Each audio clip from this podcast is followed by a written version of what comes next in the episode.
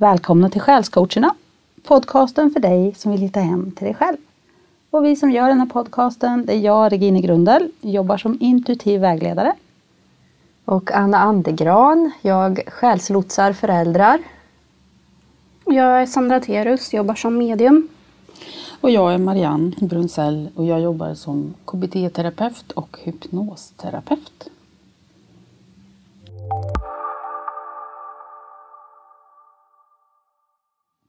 Ja, idag har vi ju en eh, tanke om att vi ska prata om relationer. Ja. Eh, Jag vet inte hur vi har tänkt om det ska vara specifikt kärleksrelationer eller alla typer av relationer, vänskapsrelationer, familjerelationer, allt eller? Vad Allt. tycker ni? Allt ja. Mm. Ja. Ja, för en del relationer väljer man ju själv medan andra föds man med Mm. Och in i. Det kanske är någon form av skillnad. Kärleksrelationer kan man ju åtminstone inbilla sig att man väljer men frågan är om man alltid gör det eller om själen är med och styr där också ibland. Ja. ja, det är inte lätt. Relationer är ju en eh, ganska svår resa faktiskt. Vi tänker, vi tar det för givet lite, att det är ju bara att umgås. Men så lätt är det ju faktiskt inte. Det handlar ju om hur vi ser på oss själva också mycket. Vad vi visar upp för andra. Och vad vi söker i en relation. Mm. Jag är lite nyfiken på vad som driver oss. Vi har ju de här relationerna som vi inte kan välja. Alltså, ja, vi kan väl välja dem när vi blir vuxna, men inte när vi är barn åtminstone. Mm. Men sen har vi också relationer som vi söker oss till och jag tycker det är lite intressant att fundera över vad är det egentligen som gör att vi söker oss till relationer? Vad har vi för drivkraft? Vad vill vi egentligen? Jag tror ju att eh, vi drivs mycket mer av vårt undermedvetna och omedvetna än vi tror eller förstår. Om vi nu tar eh, ja, romantisk kärlek, om vi ska romantiska kärleksrelationer, om vi ska specificera på det, så dras man ju inte till alla typer av människor utan till en viss typ. Eller vissa. Och det är ju frågan, varför gör vi det? Och det är jätteintressant Mm. egentligen. Och vad är det vi vill uppnå med att vara tillsammans med en annan människa? Alltså är det biologiskt här att vi längtar efter att reproducera oss och bli fler här på jorden? Eller är det något känslomässigt att vi vill känna oss bekräftade och älskade och ha någon att bolla med och dela livet med? Eller är det något annat? Det är nog lite olika saker. Blandning. Men vad, vad driver er då? Och, och, alltså, vad, vad, vad, får er, vad längtar ni efter i en relation?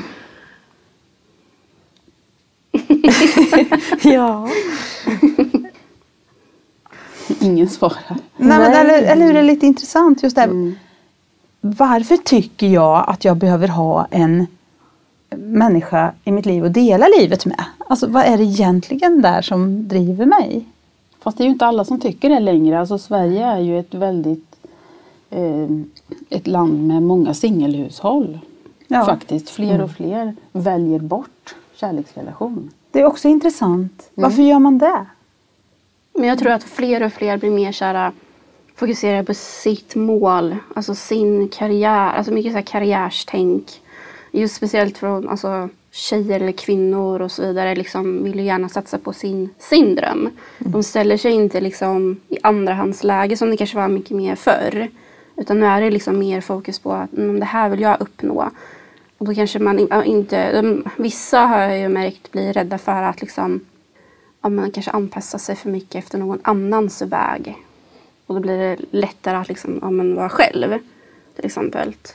Men då blir det ju lätt också att om vi säger att ja, men som utifrån mig. Jag känner ju att jag vill vara i en relation för att jag vill dela mina upplevelser med någon annan. Alltså uppleva saker, lära sig saker också. Och nu har jag ju familj. Det hade jag ju inte kunnat gjort om jag var själv, singel. Jag, jag behöver ju ha en man för att kunna få barn liksom. Och det brukar är väl- vara en ja. förutsättning för de flesta. Det, det är ju liksom en, en del. Men sen vill jag inte bara ha mannen för att få barn. Utan jag vill uppleva saker liksom, det tillsammans. Mm. Så han är ju ändå min bästa vän också på ett sätt. Även om jag känner mer för honom, inte bara vänskap. Liksom. Mm. Men jag kan inte se mig själv jag kan inte se mig själv i alla fall gå ifrån honom för att leva själv. Utan jag vill ju försöka hela tiden liksom att vi ska kunna gå sida vid sida, göra det jag vill och sen han gör det han vill. Liksom. Men ändå att vi går vid varandra på samma väg liksom också. Om man nu, ja. Ganska bra beskrivning tror jag. Ja, ja. Och jag, jag tänkte också på det du sa i början, att många kanske, och som du sa Marianne, att många väljer att vara singlar. Är det så att vi är mer noga nu för tiden med vilka personer vi vill ha i vårt liv?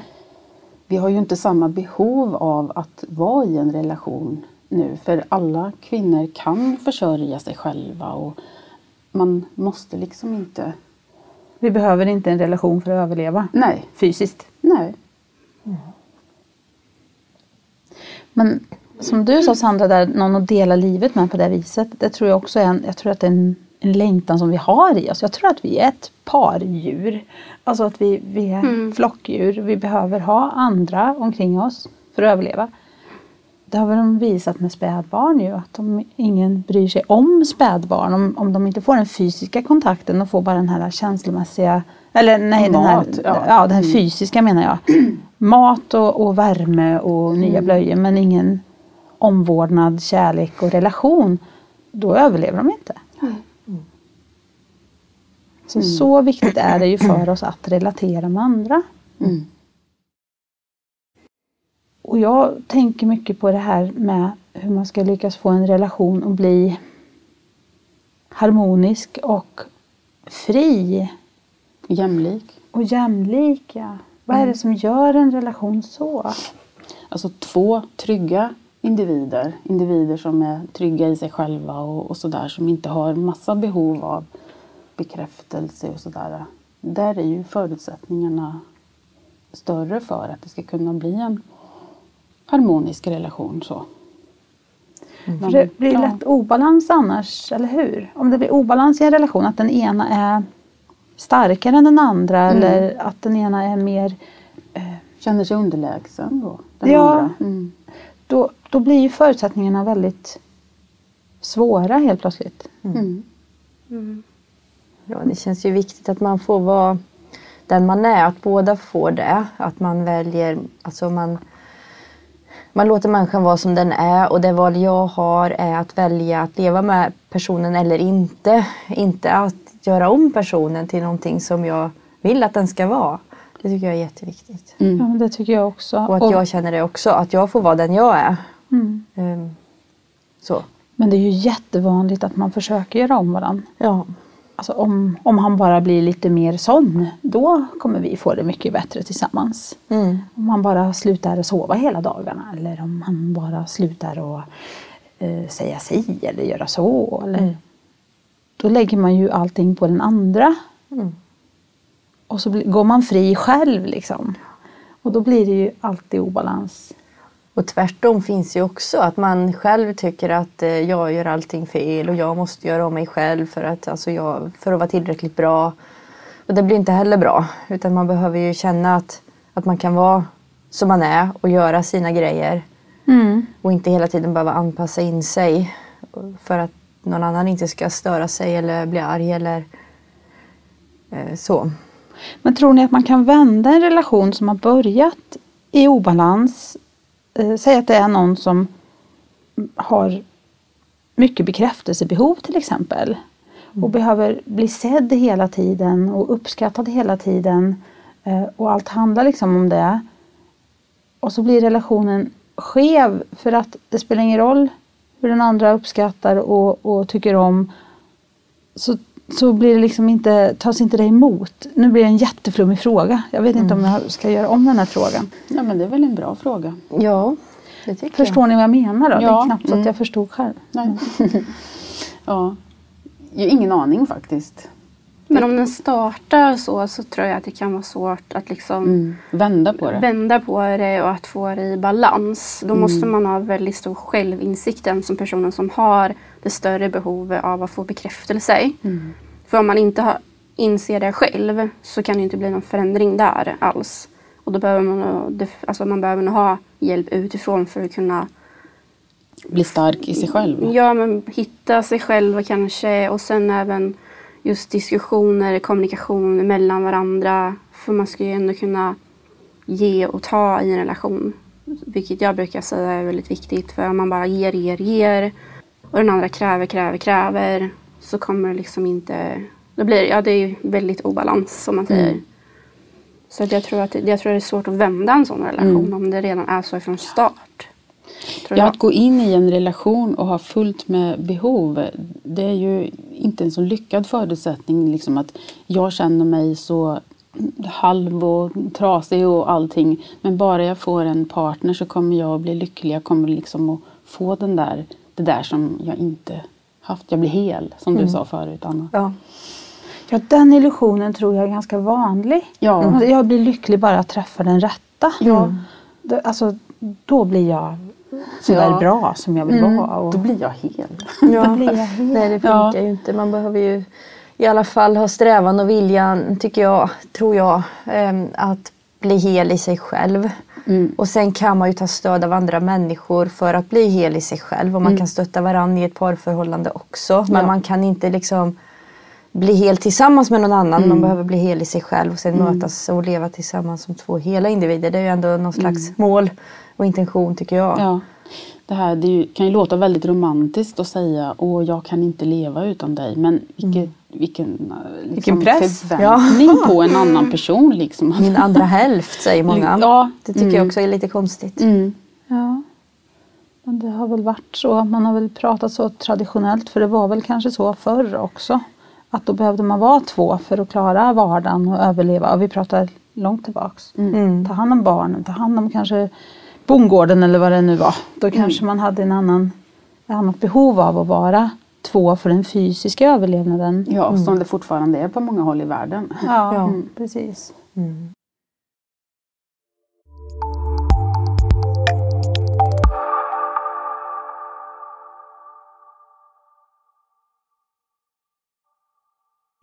Men jag, jag har tänkt mycket på det där med att bygga upp sig själv först.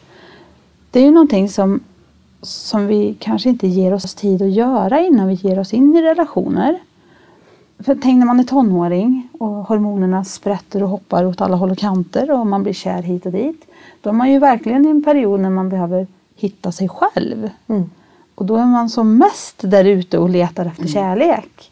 Men man kan ju också hitta sig själv genom att umgås med andra människor. Alltså vi speglar ju oss och vi lär oss av varandra och vi eh, sådär bygger upp varandra. Och, och i tonåren så båda parter kanske är lite förvirrade och sådär. Rörigt Att på man- alla håll. Ja precis, att man tillsammans kan hitta ett sätt. Ja.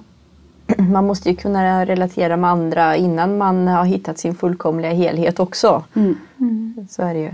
Ja, jag tänker att det är genom relationer som vi lär oss vilka vi är och vi utvecklas och Ja. får massa insikter. Mm, Vi ser ju också vad det är för typ av relationer man inte vill ha. Ja, När man, man träffar flera, eller inte flera stycken samtidigt. Nej, men när man gång alltså på gång ja, man hamnar i ja, men att man gång på gång hamnar i en relation där man till exempel antingen är eh, offret, må säga.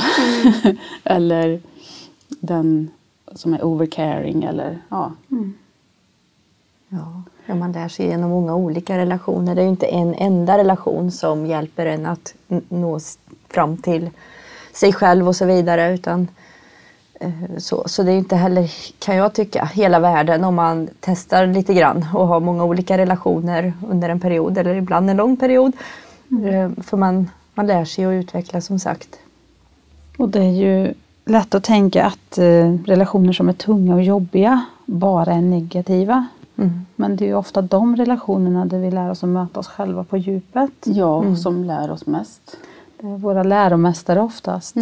Absolut. Och när man ser det på det sättet så känns det lite bättre Ja. faktiskt. Men just det här att man också får en spegling av sig själv och hur man själv relaterar och reagerar i en relation. Att om det är en tuff relation där det är jobbigt på olika sätt, man kanske krockar, det är konflikter eller man tycker olika eller eller att man gör sig mindre än man är eller att man trycker ner den andra, vad det nu handlar om. Så är det ju, jag ser ju mig själv på ett nytt sätt då. Om jag är mogen att göra det. Mm. Men om jag bara skyller på den andra så hjälper det mig ju inte så mycket. Om jag bara säger att den andras fel. Mm. Men om jag tittar på mig själv att jag också har en del i den här relationen. För jag tänker att vi, vi är ju ett jag och ett du från början men vi skapar ju ett vi.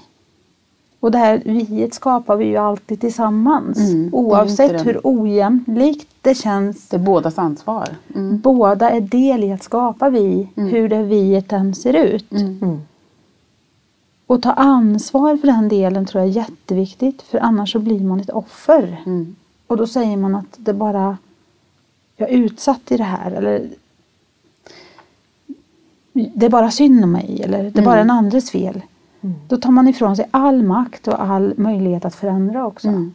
Och det tror jag är ganska farligt att hamna i. Ja, att låta någon annan få styra är ju också ett val. Att, Ja, att någonstans tar vara- ansvar Mm. Mm. för att man har till, hjä- hjälpt till att skapa det här viet. Eller finns det relationer och, och så där man faktiskt inte kan säga att man skapar relationen tillsammans? Hur är det med barn till exempel? Barn som växer upp. Ja. Ja, barn de, de skapar ju överlevnadsstrategier. Beteenden som funkar för att de ska få så mycket ja, närhet och kärlek som möjligt. Och barn är otroligt anpassningsbara. De lär sig vad som ger dem mest.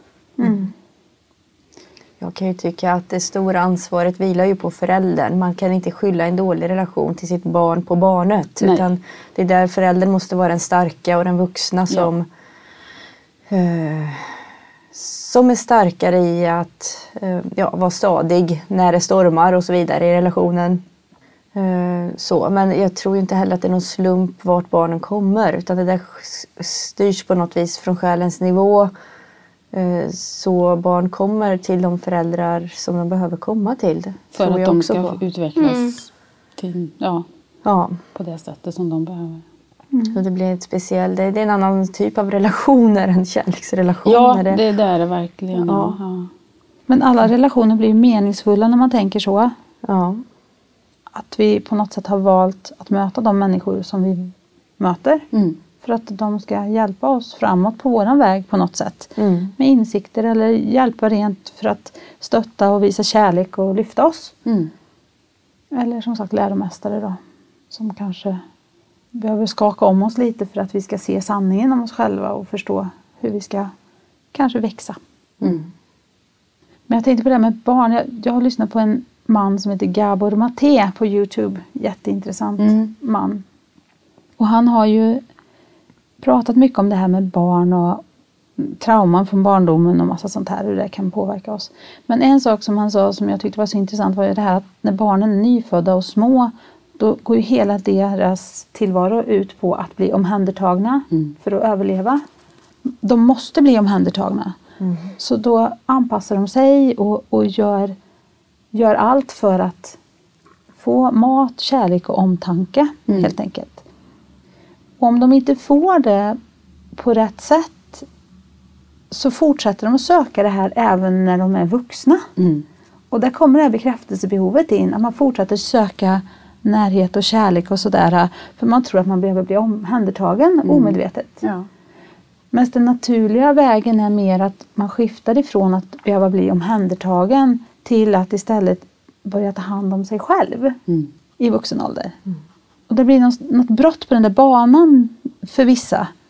Och att det kan förklara det här att vi söker, söker an, att andra ska liksom rädda oss eller göra oss hela. Därför att vi fortfarande vill bli omhändertagna på något sätt. Vad tror ni om den idén? Ja, anknytningsteorin eh, handlar ju om det. Vilken typ av anknytning vi har som barn. Mm. Om det är en trygg anknytning, om vi får tillräckligt med trygghet eh, av eh, våra vårdnadshavare. Eh, Eller någon annan. För, eller någon annan, ja. för det precis. räcker med en bärande relation Mm, så kan man bli trygg. ja. Och har man då en otrygg relation, eh, anknytning som barn så sitter den oftast med sen i vuxenlivet. Om man inte är medveten om gör den och jobbar med den. För jag tror ju Precis. att man kan bli fri ifrån det. Absolut. Och att du på något underligt vis dras till partners som triggar det här hos dig så att du får möjlighet att jobba med det. Man ser ju ofta personer som fastnar för samma typ av partner hela tiden. Och man vet redan från början att det där kommer ju inte bli så bra för att de hamnar i samma mönster. De upprepar hela tiden det som blev fel i den förra relationen blir fel i nästa också. Och det är klart att det är någon slags samverkan med att man söker samma typ av partner men också att man själv har samma mönster hela tiden. Och ibland har jag lust att bara skaka de här personerna och säga Men hallå, stanna lite här nu och titta dig omkring och fundera på varför blir det så här hela tiden? Men alla är ju inte mogna att se det. Och man har ju själv säkert också sådana blinda fläckar i sitt eget liv som man inte ser, som andra kanske stör sig på. Men, Men jag har ju haft, om jag säger, jag har ju kikat på mina relationer bakåt. Och många av de relationerna har ju varit att jag har ju hjälp, alltså jag har fått hjälp de människorna.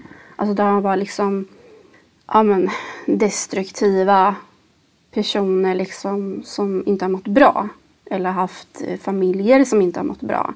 Så det har alltid varit någonting om att jag ska försöka liksom hjälpa dem. Alltså det är inte så att jag går in med den, alltså du är inte medveten om Nej, men jag har ju sett det efteråt liksom att jag har fått vara där för att försöka på något sätt få dem att tänka på andra banor eller att de själva får se att det finns någonting annat liksom. det. Mm. Så där har jag haft mitt liksom att alltid varit personen som inte har mått bra av sig själv. Eller haft problem på något sätt i livet liksom. Så det, ja. Men hur gör, nu när du är medveten om det, har du något tips liksom hur man kan komma ur ett sånt mönster när man ser det hos sig själv? Alltså när man väl har kommit på det och ser det så har väl jag liksom mest Alltså när man går in, man vet ju inte hur en person har det i sitt liv förrän man börjar lära känna den. Liksom. Och märker man att okej det här är samma typ av person som jag tidigare träffat och det har inte direkt varit bra för mig själv. Då måste jag ju gå därifrån. Alltså jag kan inte inleda en relation med någon som jag nästan har varit tillsammans med förut. Liksom. Så det, det, man måste ju medvetet bryta det mönstret. Välja ett annat val än att gå in i en sån relation. Så man måste ju på ett sätt också veta vad det är för relation jag vill ha istället. Hur den, inte typ vad den ska innehålla materiellt nu utan kanske liksom mer känslomässigt eller ja, men man kanske vill ha en trygg person som vet vart den vill i livet till exempel. Eh, kanske inte har psykiska problem också till exempel. Eh, så man behöver kanske veta vad det är för typ av relation man vill ha och inte ha i alla fall så att det blir tydligare. Mm. Det är väl det tipset som jag har liksom. Det är väl dit jag har kommit i alla fall. Så sett. Jag har också haft eh, mönster i mina tidigare relationer och egentligen kan jag se dem i både vänskapsrelationer och kärleksrelationer. Det här att jag också vill ta hand om. Jag vill hjälpa. Det blir, den andras behov blir alltid så mycket viktigare. Och jag lägger mitt åt sidan för att hjälpa den. Det blir som att man står tillbaks själv för att den andra behöver någonting hela tiden. Och det mönstret tror jag är ganska vanligt hos oss kvinnor i alla fall. Och jag märkte att det här gick igenom i alla mina relationer. Jag kunde se det från jag var liten också, att jag gjorde så i min ursprungsfamilj. Alltså att man ville hjälpa och kanske lite för att vara duktig också. Men också för att det var något behov där att få kanske bekräftelse och uppskattning och kärlek. Att jag trodde att jag var tvungen att göra så för att bli älskad. Och sen när jag insåg att det är inte sant.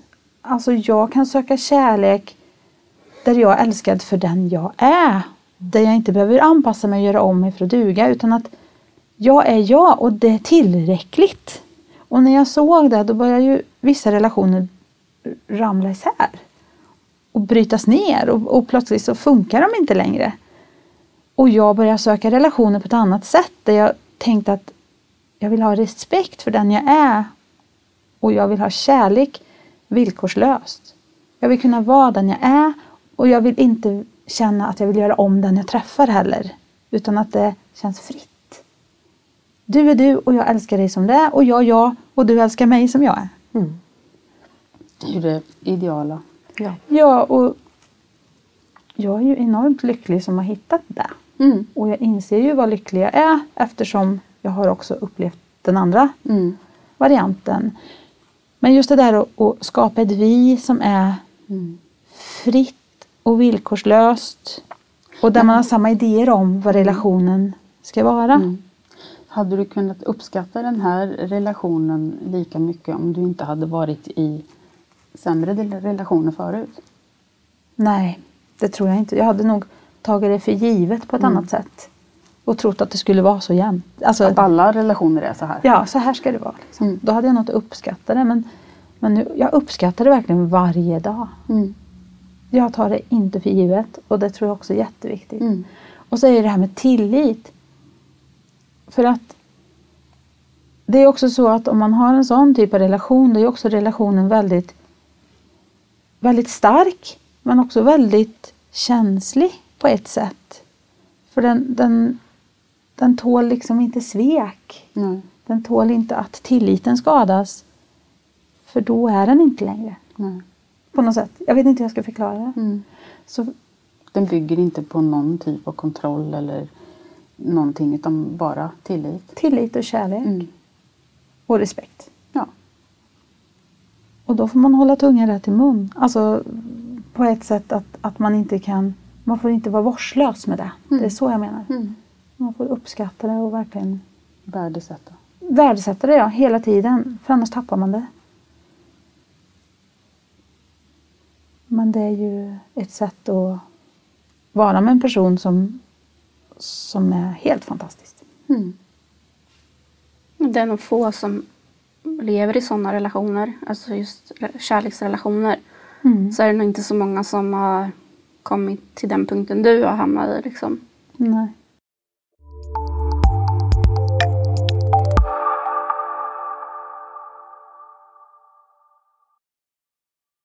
Ska jag berätta lite hur det gick till innan, när vi träffas? Jag och min sambo. Mm. För att jag hade ju haft en relation som hade liksom smulat sönder med tiden kan man säga. Eh, kan inte skylla på varandra, utan det var ett vi vi skapade där inte vi fick växa och vara fria tillsammans. Utan att vi, vi blev som enskilda spår kan man säga. Och den relationen bröts sönder efter 19 år och det är klart det var tufft. Men sen så, så hade jag ju den här längtan efter att jag hade verkligen en längtan efter att dela livet med någon som uppskattar mig för den jag var. Så jag hade en hel lista på vad jag ville att den här personen, nästa person jag ska vara ihop med ska ha de här kvaliteterna och så liksom listade jag ett helt A4-papper. Ja, liksom, ja. Mm. det var lite ambitiöst. Förstår jag varför inte jag har träffat någon. Min lista är så lång. Oj, oj. Ja, men jag, läng- jag längtar i alla fall väldigt efter att träffa, träffa någon och dela livet med. Samtidigt som jag kände att jag kommer aldrig någonsin mer bli, bli sambo med någon. Ingen ska få vara i mitt liv och rota och vi ska ha enskilda liv och sådär. Man har ju sina idéer. Men i alla fall så gjorde jag meditation en gång. Där jag innan hade tänkt så här, kan jag inte få ett tecken så jag vet om jag träffar rätt? Så att när, när den här personen som, som är min själsfrände dyker upp så att jag vet vem det är. Alltså, så tänker man ju, man är ju så här i romantiska griller när man längtar. Men i alla fall så gjorde jag en meditation. Och då var det som att jag kom till en stor sta- sal. Det kändes nästan som att det var en överjordisk plats i, min, i mitt sinne. Och så träffade jag någon slags skyddsängel där i en stor kåpa. Så jag såg inte hur den såg ut. Men han hade en stor kåpa. Och så sveper den här figuren bara in mig i en omfamning. Och så stryker han mig på ryggen. Först neråt och sen åt sidorna. Och så, det var en jättehärlig omfamning. Men sen när jag kom ur meditationen så tänkte jag så här, men jag fick ju inte alls något tecken. Alltså jag fick ju bara en kram. Ja, tänkte jag. Och sen så gick det ett par månader och sen så skulle jag ha en dejt då. Med min sambo, som blev min sambo sen. Och när eh, vi skulle säga hej då den där första dejten, då kramas vi. Och så stryker han mig på ryggen precis sådär. Wow. Och då kände jag bara, okej. jag fick nog ett tecken Du ändå. fick ett tecken. Ja. Wow. Så det är ju häftigt alltså. Ja. Så man kan träffa den där människan som är rätt för en Mm. faktiskt. Man skulle ju vilja säga till alla bara, men all, det finns någon för alla liksom. På ett sätt så tror jag det finns det, men sen kanske det finns olika nivåer på just relationsmässigt. Och jag tror det är viktigt liksom, ja men som alla har en lärdom kring det, att gå liksom. Och alla kanske inte kommer att gå den vägen, att man träffar sin själsfrände till exempel. Nej. Varje relation har sin eh, betydelse och eh, ja, är viktig. Ja, Precis. Jag tror inte att, jag tror inte att man behöver ha en relation bara för att. Nej. Bara för sakens skull. Utan om man, ja, jag vet inte. Ibland är det rätt men det måste inte vara rätt. Det är inte den enda rätta vägen. Tror jag. Utan man kan eh, lära sig att växa och, och bli hel på olika sätt och på olika vägar. Det måste inte ske genom en kärleksrelation. Nej, fast jag. det är nästan den bästa tror jag. För att det är aldrig, det, alltså en kärlekspartner tar ju fram det innersta hos dig. Ja. Så att det, det kanske är det liksom bästa sättet att verkligen jobba med sig själv. Man, Även om det är delar ju. Mm. man delar ju alla nivåer förhoppningsvis. Mm. Om det är en kärleksrelation som är trygg och bra då.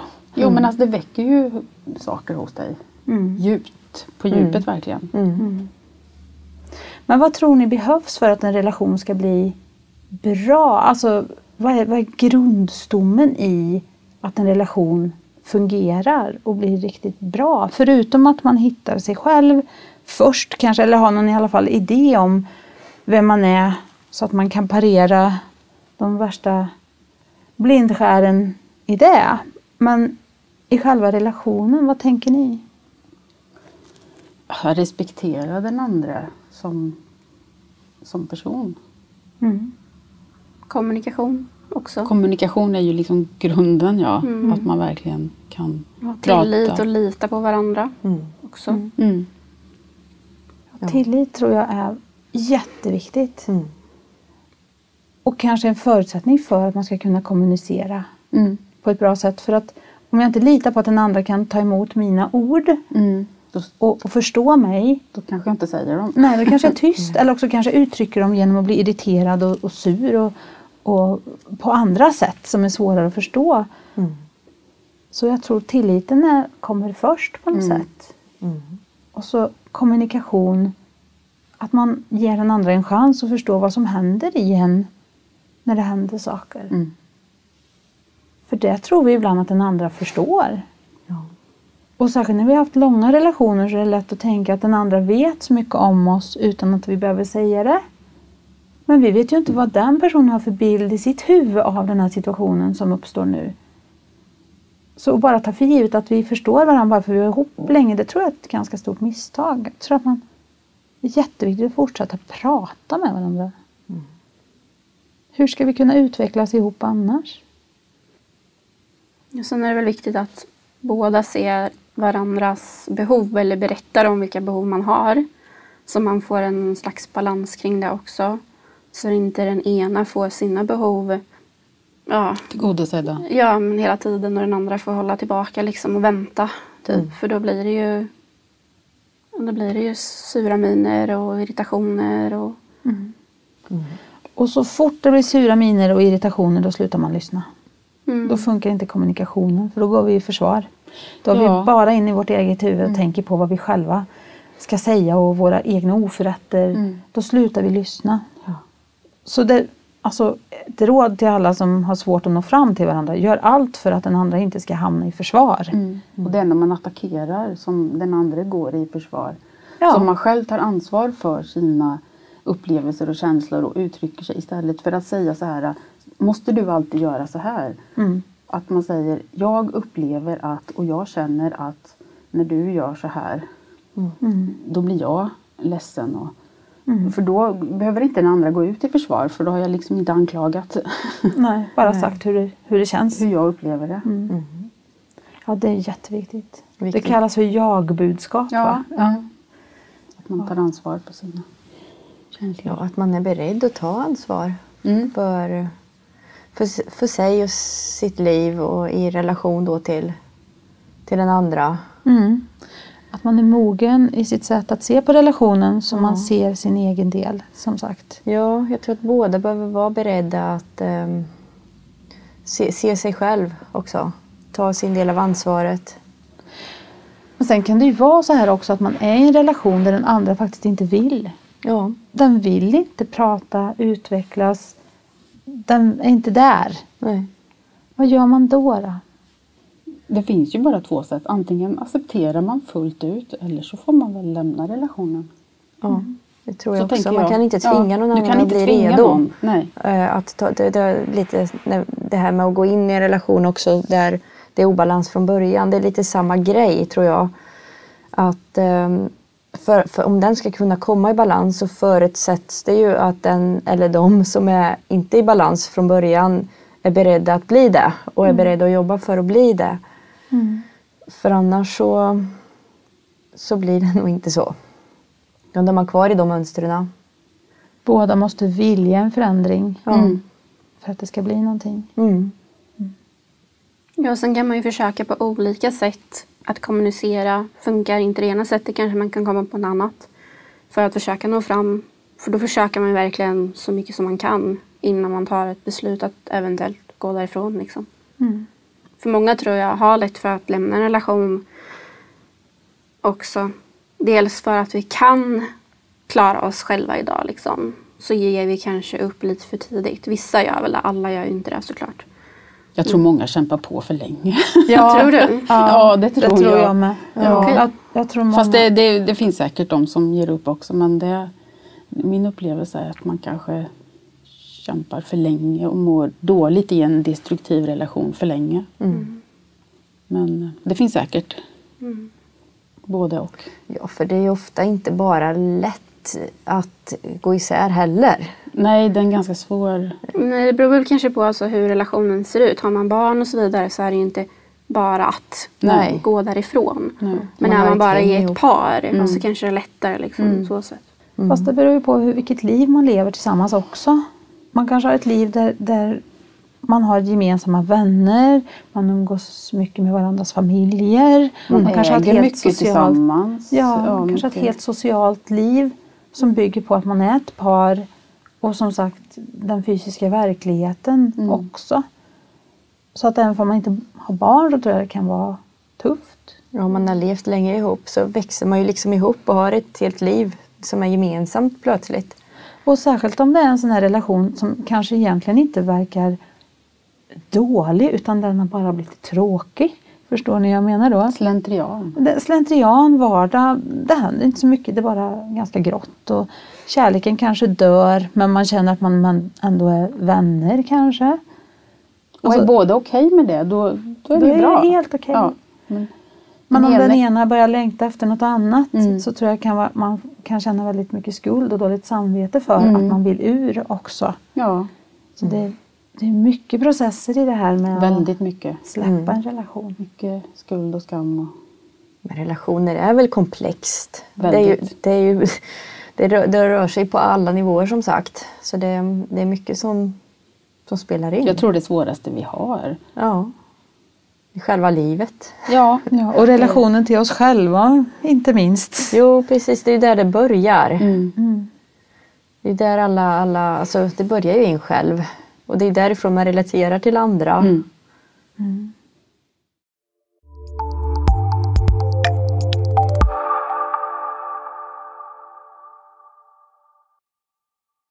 Relationer kan ju vara både himmel och helvete. Liksom. och det är alltid, alltid mycket lärdomar i en relation. Mm. Och det är mycket arbete med relation. Mm. Och det tror jag är lätt att glömma för man kan ha den här rosa idén om att bara jag träffar den rätta då blir allt bra. Och då tänker man inte man kan träffa den rätta. Men det betyder inte att man inte ska fortsätta jobba på relationen. Det tar aldrig slut. Alltså man måste fortsätta jobba hela tiden Mm. på att se varandra, respektera varandra, prata med varandra, växa tillsammans. Det är inte bara så här, åh jag har träffat min själsvän så nu kan jag, nu är jag lycklig resten av livet. Som i sagorna så levde de lyckliga alla sina dagar. Mm. Så är det inte.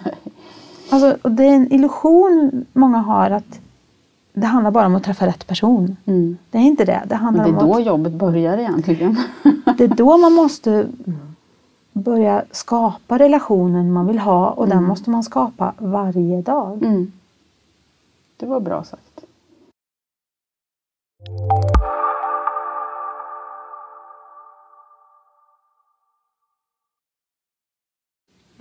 Hur ska vi wrap this up då? Mm. Nej, men vi kanske liksom har eh, skapat lite eh, men, idéer. Alltså just tanke, tankeverksamheten kanske liksom har startat hos några. Liksom bara för att så några frön på ett sätt. Liksom. Det Ja, är väl där diskussionen lite har varit som vi har haft nu kring relationer. Ja, man får väl plocka de russin man behöver Ja, i sin det- egen kaka. Ja, och det är väl lite grann där våra, alla våra samtal går ut på att så små frön och någon liten aha-upplevelse eller insikt. ja och sen så kan det, vi kan ju inte prata fullständigt om relation, alla relationer i våra liv på 40 minuter. Så Nej, att, det skulle Nej, det ta flera dagar. så att det, är väl, Mm. det är väl det där att, att få lite funderingar på sin egen relation. Mm. Ja, för vi kommer ju inte sitta och säga gör tjej, gör så. Utan det är ju liksom mer, ja men ge lite, Det är ju våra erfarenheter och idéer om, om inflika lite. ämnena. Mm. Mhm. Sen så tycker vi ju om om folk hör av sig till oss med frågor, funderingar och idéer. Mm. Och gärna feedback också. Mm. Vad tänker de när de lyssnar på oss och får de Absolut. några nya tankar om, om sig själva och sin situation? Ja, och finns det några ämnen de vill att vi ska ta upp? Ja, det skulle vara jättespännande. Mm. Så då kan de ju höra av sig till Själscoacherna på Facebook, vår Facebook-sida. Men vi finns ju på Youtube nu också. Själscoacherna podcast heter vi på Youtube. Och så har vi Instagram också Anna. Jag kommer aldrig ihåg vilken ordning vi står där. Nej, precis. Men Det vet jag knappt själv heller. Vad står det? Regine, Marianne, Sandra, Anna kanske? Med understreck emellan. Ja, Det är Instagram. ja. Men det är väl där man kan nå oss. Facebook och Instagram. Och göra någon kommentar på Youtube Mm. just nu. Ja, men då ska vi tacka för idag då kanske. Ja, Tack, tack. Hörs vi om 14 dagar. det gör vi. Ja. Hej då! Ciao! Hej då!